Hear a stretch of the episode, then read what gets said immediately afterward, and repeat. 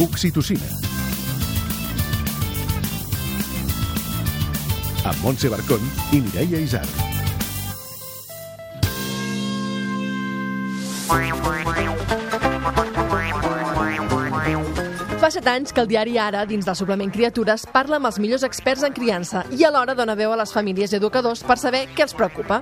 De tota aquesta feinada n'han publicat un llibre. Avui en parlarem amb les periodistes Aure Ferran i Paloma Arenós. A més a més, li preguntarem al Caïm Riba com fa de pare dels seus tres fills entre cançó i cançó. Tindrem un Maconi del Cazorla, les Mama Proof i la culturista amb una nova proposta cultural. Ah, i també el meravellós conte d'un minut de la Oh, Montmar. sí, tot Com això i m'encanta, tot això i més. A l'Oxitocina!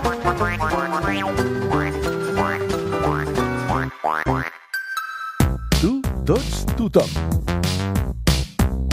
Hola, sóc el Caim Riba, sóc músic i tinc tres fills. Què no t'esperaves de la paternitat? Mm, De la paternitat no m'esperava, per exemple, quan estava a punt de tenir el segon fill, pensava, m'estimo tant el primer, com es repartirà no? el, el carinyo, aleshores neix el segon i, i, i, i tens tot una altra bossa igual per donar-li al segon.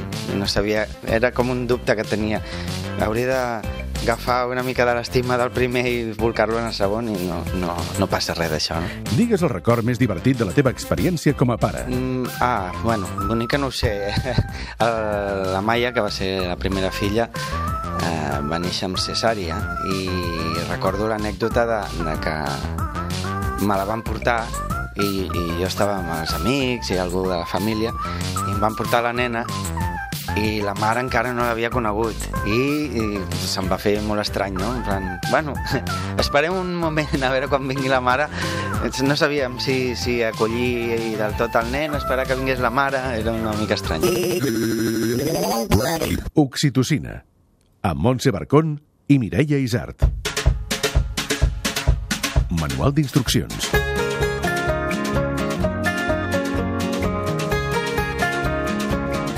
En aquest espai sempre us volem donar pautes per tenir una criança més tranquil·la, més feliç, per tenir més informació i fer-la servir per deixar fluir les coses. Escoltem els experts per després tenir la seguretat i la calma per poder fer el que creiem més convenient per nosaltres i la nostra criatura. Qui també fa temps que fa aquesta tasca és tot el grup de professionals que treballen al suplement Criatures del diari Ara. Ja sabeu que hi estem agermanades i que ens conviden un cop al mes a escriure un article i nosaltres ens servim dels seus especialistes per donar-vos trucs i consells. Gràcies, gràcies, gràcies. doncs avui volem parlar del llibre sagrat del Criatures, del Sant Grial, del llibre Educant les Criatures, que recull alguns dels millors articles que hi ha publicat. Aure Ferran, coordinadora de Criatures, què tal? Hola, com estem? Vens acompanyada de la Paloma Arenós, periodista també del suplement, què tal? Hola.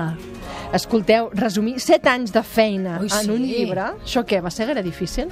Home, una mica complicat, sí, el que passa... Perquè, de fet, havien de ser tres llibres. Oh, Ho hem una trilogia! Sí, i ho hem acabat concentrant en un, com a mínim per fer el primer experiment. I la feina va ser triada tanta bona feina que teníem al Criatures, Que perquè bé. són set anys escrivint sobre criança i educació, aquella sensació que tens de que hi haurà un moment en què se t'acabaran les coses a dir i te n'adones que no, i el llibre una mica el que fa és mostrar això, que amb aquest món mai acabarem de dir tot el que, el que podem dir. Per tant, sí, va ser una feina una mica llarga, però, però crec que prou, prou productiva i concentrada aquí en el llibre. Doncs nosaltres, com que som unes agosarades inconscients, podríem dir, Sí. intentarem resumir-ho en un quart d'hora. Molt bé, som-hi. Repte. No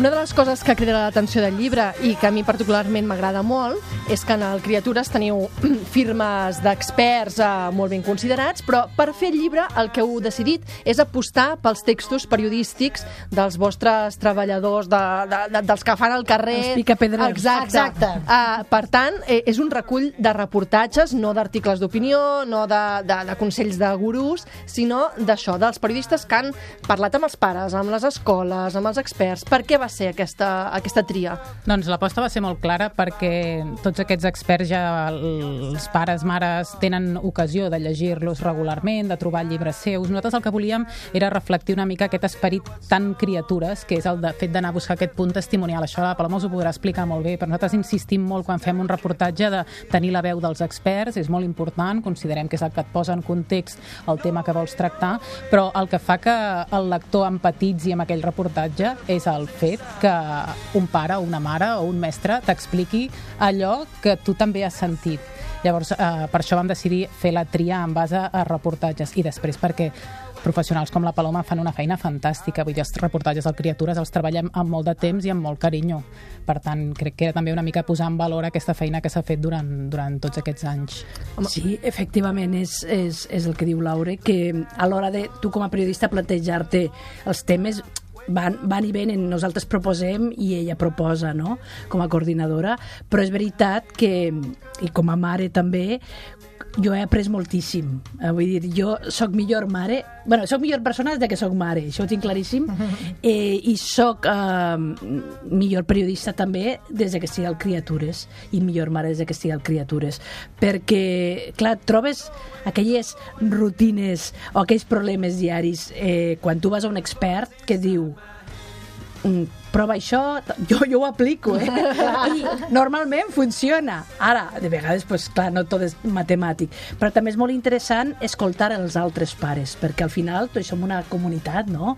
I, i, i- ens agrada estar enxarxats. I quan aquell pare li preguntes o aquella mare li preguntes i diu ah, sí, sí, això em passa a mi. No estic sol, no estic No sola. estic sola, o sola davant del món, no. Jo, eh, el primer reportatge que vaig fer, que va ser realment un, un atracament directe, em van trucar un divendres i van dir ens ha fallat una, una persona i és un reportatge de, de, de depressió postpart. Déu-n'hi-do. Bon tema, bon El tema per volíem- començar. El volíem per dilluns amb testimonis, evidentment, Uau. no? Clar, i que sortissin a, I que volguessin parlar d'això. d'això que, que eh, encara ara continuo pensant que és un tema tabú i que no s'aprofundeix. Per mi és un dels temes claus Uh, en què s'ha de fer encara molta pedagogia. Està molt bé que quan estàs embarassada parlin de la canastreta i de la robeta i, i tal, però jo agrairia ser de centres que ho fan, eh? I jo fa 15 anys que sóc mare i, i en aquell moment no, no es posava cap focus en això, però que t'expliquin que n'hi ha un maternity blues, que n'hi ha una tristor postpart, que se t'ha regirat tot el cos i el teu cervell mai més serà el mateix, i, i que no passa res, que puguis estar trista, però que t'expliquin també que si n'hi ha antecedents familiars de depressió i si no n'hi ha un acompanyament correcte amb aquella tristor normal que dura 10 dies, eh, estaria molt bé que t'expliquessin que si tens antecedents i el còctel no està molt ben acompanyat, pots patir una depressió postpart. I estaria molt bé que t'expliquessin que el primer mes és molt dur. I que, que per suposar pots estar molt contenta i tal, però les hormones te fan una Uau. mica... Vinga, Jo diria vinga, els dos avall, vinga, primers amunt, mesos. vinga, El avall. primer és, és, és, per mi, eh, és brutal. Sí, sí, és sí, ho brutal perquè mentre està a la panxa està molt controlada aquella criatura. I, i no, però quan surt té moltes necessitats que tu les pots eh, saber, no? O que has canviat, l'has alletat o el que sigui, i, però continua plorant i a millor és una etiqueta que li està rascant a, a, del body al darrere i no t'ho pot dir, Clar, el no? joc d'adivinances entre la parella. No té son, eh, no, no Té té gana, gana, no. té digues gasos. res. Però doncs això- mira, és igual, no ho sabrem mai, no ho sabrem mai. Això amb el sistema que hem muntat, que és molt anticriança, Mm. és un sistema en què exigeixen a la dona que a sobre estigui prima, servint bombons Sí, i, somrient, mentre tu hauries d'estar a la cova, eh, allí a la teua cria. Això és la meva manera de pensar. Tot, Eh, totalment d'acord. Clar, t'estan exigint que a sobre, i, i tots volen tocar la criatura, no? Un altre tema que a mi em va apassionar de descobrir-lo així és, uh, sisplau, visites útils quan acabes de parir. Visites útils vol dir la teva parella de guardaespatlles a la porta i uns missatges que van molt bé avui en dia, no? d'aquests whatsapps que tenim tan fantàstics, de dir, doncs, la criatura ha nascut, pesa tant, és molt guapo i molt guapa, o el que sigui, i fins a nou avís, com ens coneixeu i ens estimeu, doncs aquí un mes comenceu a venir d'una manera ordenada. I ara et passo la mopa o et porto un caldo. Exacte. Però, però no cal que tothom estigui el primer dia de vida d'aquella criatura passant-se-la en volandes, no cal. Que aquella habitació es pot convertir en el comedor de los hermanos Marx. Más eh? los gérmenes allà. varios. Más los gérmenes varios. No, Ai. no cal, no cal.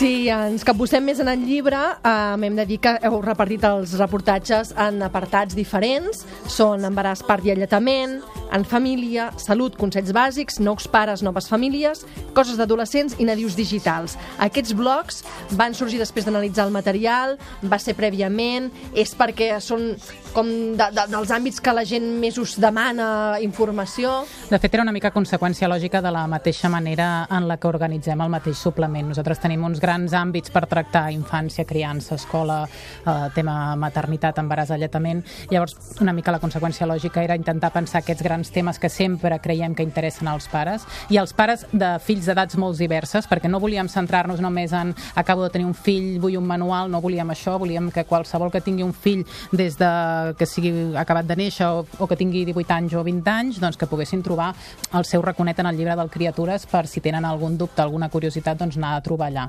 Llavors, a partir d'aquí, de centrar aquests grans temes que tu comentaves, va fer la tasca més pesada de recerca de tots aquests reportatges eh, que hem anat publicant durant aquests set anys i vam anar triant una mica els que creiem que eren més significatius i que més podien orientar a pares, mares, educadors, tiets, perquè no ens agrada parlar només de pares i mares, eh? Vull dir, No, no, la, la comunitat educa, per tant, tots els que hi, hi formen part que puguin trobar a, a aquell punt de, de referència o aquell consell tot i que mai pontificant, perquè això és una cosa que sempre insistim molt també. Eh? Nosaltres eh, ens apassionem, com ara sentíeu a la Paloma, no? explicant per la feina que fem, no, però eh, això és el que dona el caràcter al Criatures. Ens apassionem, intentem esbrinar eh, tots els aspectes d'un tema, que els experts ens en parlin, però nosaltres no dictarem sentència. Cada pare, cada mare, cada tiet, cada pare adoptiu farà el que bonament pugui a casa seva. Si l'ajudem i li servim d'eina, doncs fantàstic. És Això, una que mica ja el de sentiments de culpa ja anem sobrats, eh? Exacte. Sí, és una mica el que tu dius a, a la, la introducció del llibre, no? de seguir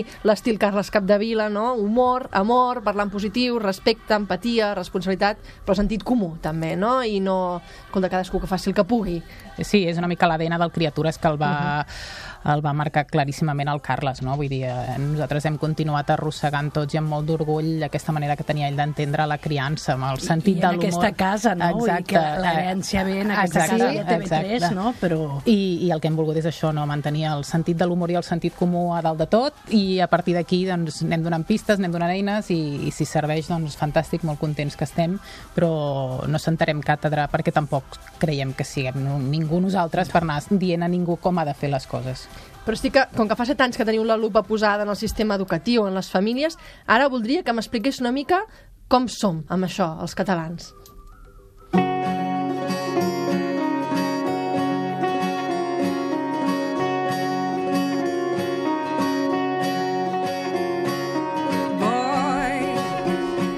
Això, a part dels experts, doneu molta veu a les famílies, com, com dèieu. Com som els pares d'avui en dia? Patim massa? Donem moltes voltes a les coses? Hi ha, realment hi ha bàndols enfrontats de, del pit, de l'Iberó? Vull dir, Ui, ui! Jo em remetré a una sàvia, que és la Cristina Gutiérrez, eh, la coordinadora de la granja de Santa Maria de Palau Tordera, Granja sí Escola, que la- surt sovint en el llibre. que bueno, per mi és un gran referent de la que n'he après moltíssim. Eh, ella és una gran defensora de l'educació emocional i, i, i fa, des de fa més d'una dècada, crits d'alerta d'aquesta possible radiografia. Jo, és molt agosar dir com som els catalans, no en tinc ni idea, però sí que les pistes que ella i el seu equip apunten, perquè passen més de 10.000 nens i adolescents cada any per, per aquest centre, eh, hi ha una tendència per mi molt preocupant, que són aquests pares drons, pares helicòpters, pares mares, eh, excessivament preocupats, que no deixen que els seus fills, eh, tots ens han ensenyat que si tu caus t'has d'aixecar, no? Però si tu li estàs traient les pedretes tot el dia al camí, aquesta criatura, mm, primer que t'estan dient no pots.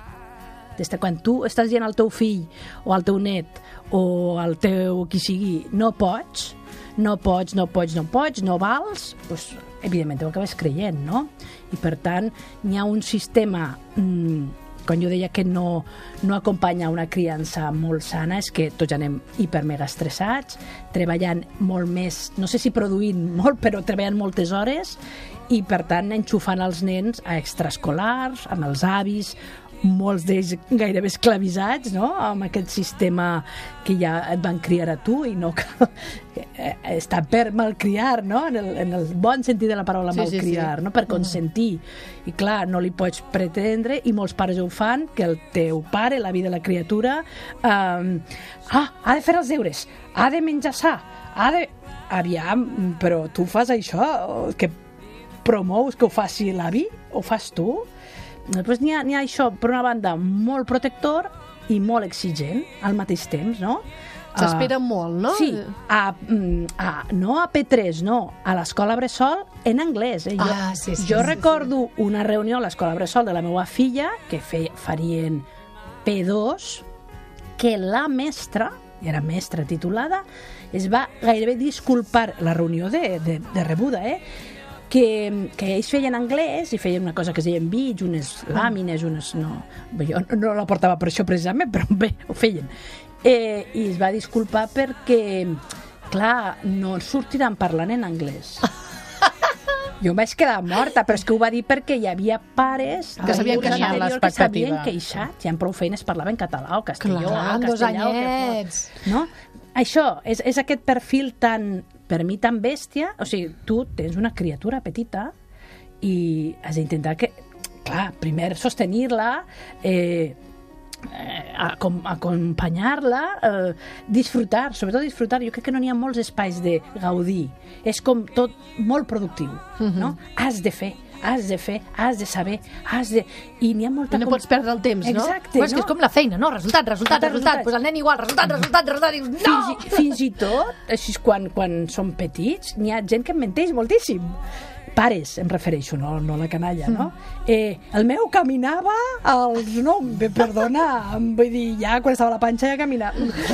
Ah, I després també l'altra cosa que m'he trobat al llarg d'aquests anys al Criatures, i com a mare, però també perquè m'hi he trobat molt, és mm, que tenim com una necessitat d'explicar-ho tot dels nostres fills això que tu deies, no? Uh, que si teta o biberó, que si dors amb ells, el collit o no collit. Eh, poder no cal, no? Jo no expliques com tu montes amb la teva parella al llit, no? Pues igual no cal ser tan explícits. Eh, al final és sentit comú.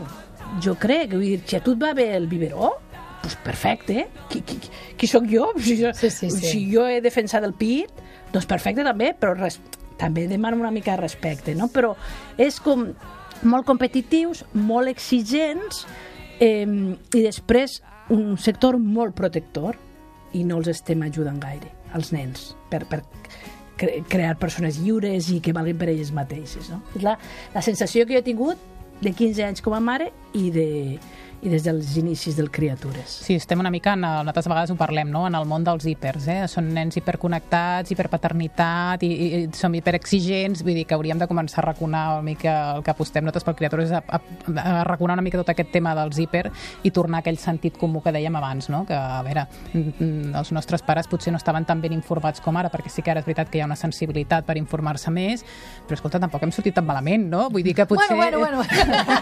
hi haurà una mica de tot, però tampoc és tan greu, No, no? Que ara sembla que, que tot, eh, ho hagis de saber tot de tot i, i t'hagis de llegir 300 manuals, mm, doncs no cal, a vegades... Mira, Manuals que, que mai parlen del teu fill en concret, a més, Exacte, no? exacte, i que vull dir que no, no trobaràs allà la solució, tu faràs el que bonament puguis a casa teva amb les condicions amb les que et trobes. I llavors, sí, tenim pares molt informats, a nosaltres ens agrada que es vulguin informar, però potser també hem de trobar un límit per no arribar a aquests tres punts que també deia la Paloma, no? que crec que és el que ens hauria de preocupar una mica, ja no només com a pares, mares, sinó fins i tot com a societat, no? van pensar en, en quina gent estem pujant de cara, de cara al futur. Doncs res, tots a llegir l'Educant les criatures i després cadascú a casa que faci el que vulgui, Correcte. però aquí, per El sort... que vulgui i el que pugui, que això és Sí, superimportant. exacte. Jo, crec- jo crec que és més el que pugui, la veritat. Sálvese quien pueda. Exacte. Doncs recordeu, trobeu el llibre amb els millors articles de l'Ara Criatures, es diu Educant les criatures, l'ha editat, coordinat Laura Ferran, però hi ha moltíssims periodistes especialistes, no sé, no ho he comptat, no sé quants són, uns 15. Uns quants, eh? No Sí. són tots els que col·laboren des del principi, vull dir que hem tingut molts, molts redactors i hem fet una tria, ha algun d'ells que han fet molts reportatges, potser més especialitzats, per exemple, en el tema d'escola, i que aquí no surten tan reflectits, però aquests 15 en són només una part del que som la família Criatures. Vaja, que hauré de fer una segona edició, finalment, Esperem. eh? O la trilogia, o la La trilogia, la trilogia. Aquí l'esperem. Gràcies per venir. Gràcies a vosaltres. Adéu.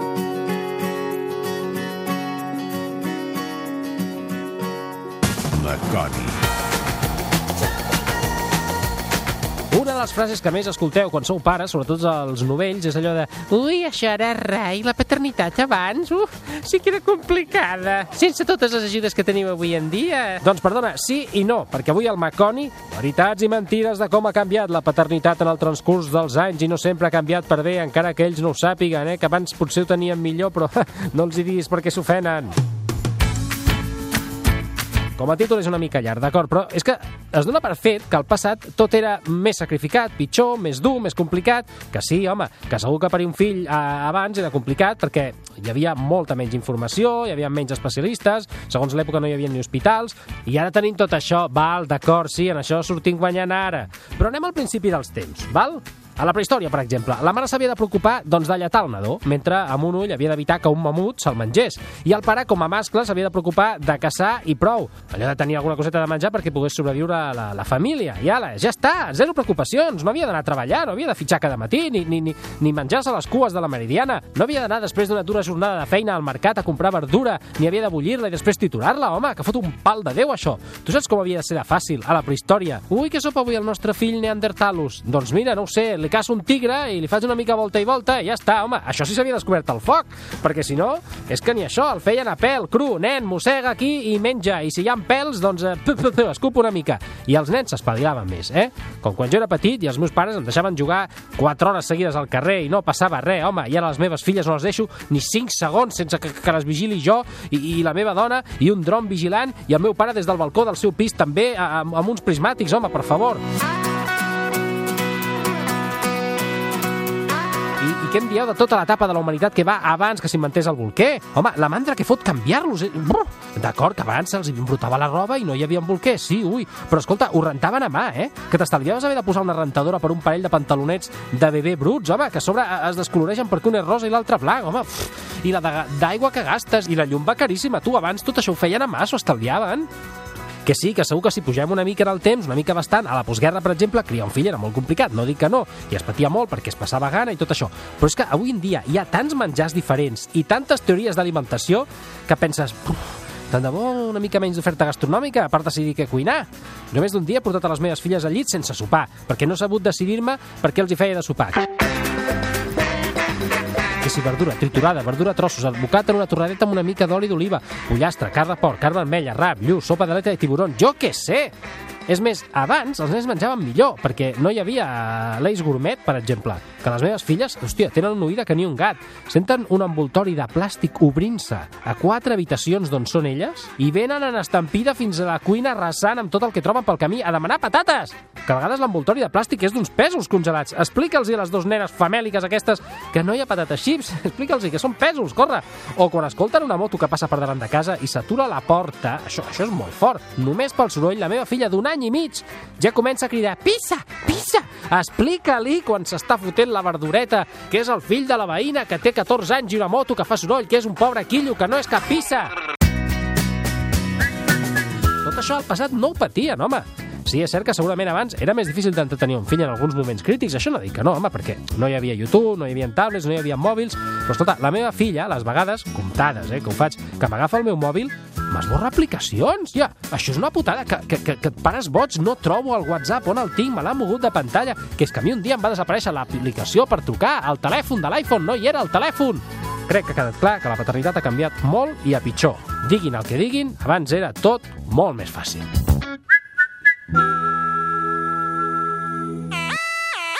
Whatsapps desesperats.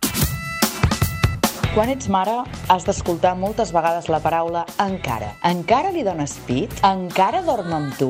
Encara no l'heu deixat una nit a dormir fora de casa? Encara menja el que sigui? Encara no menja el que sigui? Dius, sí, encara, encara. Per què? Que et passa alguna? Que tens algun problema?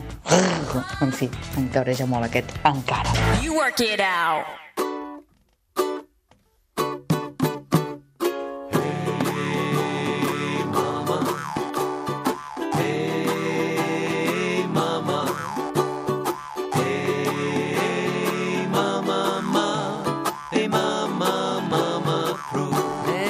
Quan diuen Mama Prum, apareixen let's aquí. together. Hola, el Bernau. Hola, Mar Domènec. Hola, què tal? Hola, què tal? Avui ens vols fer una mica de... ser, ser més esportistes, no? Sí, us farem caminar i anirem a veure ocellets. Bueno, doncs va. vinga, som-hi.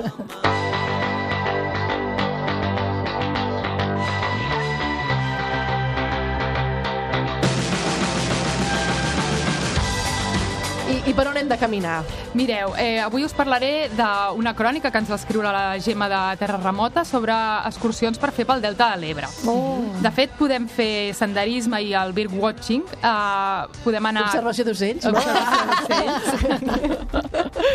podem anar als aiguamolls de l'Empordà, que jo crec que tots acabem pensant molt en, en, en, en l'Empordà, però també podem anar al Delta de l'Ebre i, de fet, eh, com diu la, la Gemma, en els nens, si els hi donem uns prismàtics eh, amb, amb, al vell mig d'un paisatge, ja estan super entretinguts. Podeu pujar als miradors i aprofitar per ensenyar-los el, el valor del silenci i la calma. Eh, us podeu apropar a la Garxal o envoltar l'encanyissada. Eh, totes dues opcions són molt recomanables. I després, si us acosteu al món Natura Delta, que això ja us parlem també un altre dia, us poden ensenyar tots els secrets de l'ecosistema del Delta i els nens us estaran entusiasmats a flamencs i altres tipus d'ocells. A més a més, us, eh, segurament us podran fer un passeig en perxa, que és la barca tradicional. Ah, que xulo. Que xulo. Sí, val molt la pena. Doncs to- tots cap al Delta, no? Jo, de fet, una de les colònies de l'escola que més recordo, un més bon record, era el Delta. Ens van picar molts mosquits, però era tot Ah, molt mira bonic. quines són, em van portar arenys. Tu, que també està bé, eh? no dic que no, però... Ah, mira-la, mira-la.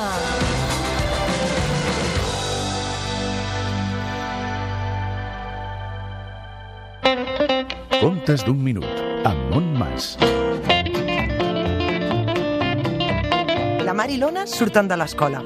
Avui han après tots els colors del blau, que si fa no fa, deuen ser uns 12. El blau cel, el blau riu, el blau mar i el blau oceà. També hi ha el blau toll i el blau llac de Maranges. També hi ha el blau mecànic i el blau pescador i blau ulls de la iris i blau ulls del Nil, que són ben diferents, i el blau samarreta blava, i el blau el blau gripau blau. Quan la Mar i la Ona arriben a casa, la seva mare les petoneja i els hi prepara el berenar. I Brena, que berenaràs, li diu que es posin al banyador, que agafin les xancletes, que s'afanyin per anar a la platja, perquè la lluna, la duna i la sol ja fa una estona que s'hi esperen. La Mar i l'Ona, inventari de contes, Joan Mitjons. Oxitocina.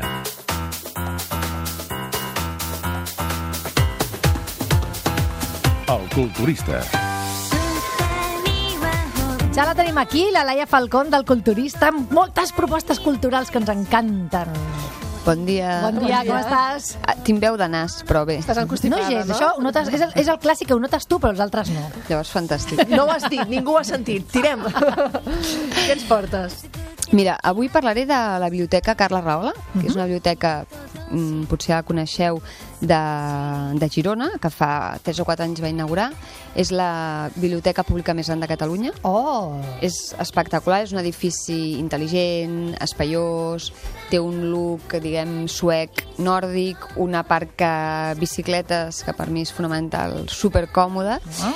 i a part d'això tenen una molt bona programació d'activitats culturals i familiars, infantils des d'espectacles, contacontes, tallers, tenen un club de lectura molt interessant de 9 a 11 anys, si no m'equivoco, sí, i, i després un altre dedicat al còmic. Oh. És, un, és un lloc fabulós d'espai, de passar-t'hi una estona, però també. D'activitats. Exacte, Sí, anar sí. fullejant les activitats que proposen. Després tenen tota la part... La sala infantil és, és bastant grossa i està dividida en tres seccions, una pels, pels petits petits, que són els petits lectors, una infantil i l'altra de 12 a 14 anys.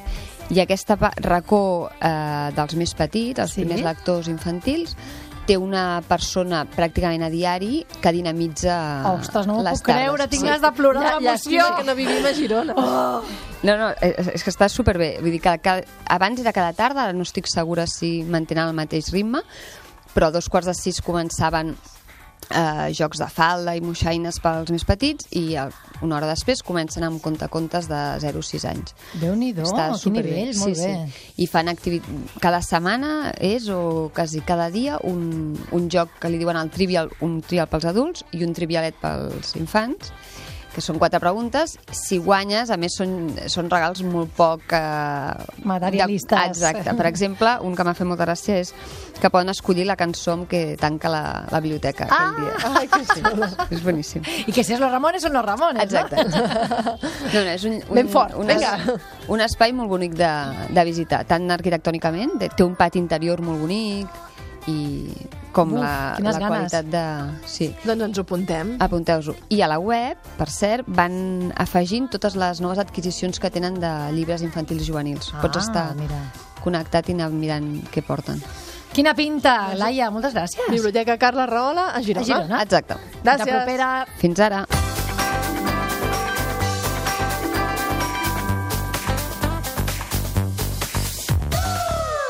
I ara l'Elisabet Pedrosa, de l'Ofici d'Educar, ens ha deixat un missatge. Com es construeix la confiança entre l'escola i la família? Ens ho ha explicat a l'Ofici d'Educar l'Oriol Castellví, mestre de l'Escola La Floresta. Pretenem que les famílies confien en un projecte educatiu. Un projecte educatiu és un paper. En tot cas, les persones confien en les persones que fan coses, no? I no pots confiar en algú si no el coneixes. Llavors, fem una reunió d'inici de curs, no coneixem a la família, confieu que nosaltres... És molt complicat. El que crec que hauria de passar és que a les mestres i les famílies es coneguessin, perquè un cop et coneixen i confien en tu, és llavors quan els hi pots dir. I és per això que penso, no sé, que la teva filla li aniria bé fer això i això. Com que ja confien en tu, les famílies ja et miraran amb uns altres ulls, no? De vegades, l'Anna Rami sempre diu que la diferència entre la confiança i la transparència és que la confiança és un pont sobre allò desconegut. I últimament, jo penso que cada cop hi ha més necessitat de les famílies de saber tot el que passa dintre l'escola per després confiar. Però Això no és confiar, això és conèixer, no? De vegades tenim la sensació, hem de fer circulars, ho hem d'explicar tot, hem de penjar-ho tot, perquè així confiaran en nosaltres. Jo penso que potser és més important que ens coneguin a nivell personal, eh? I és llavors quan confiaran en tu i tu podràs dir, jo penso que el millor és això.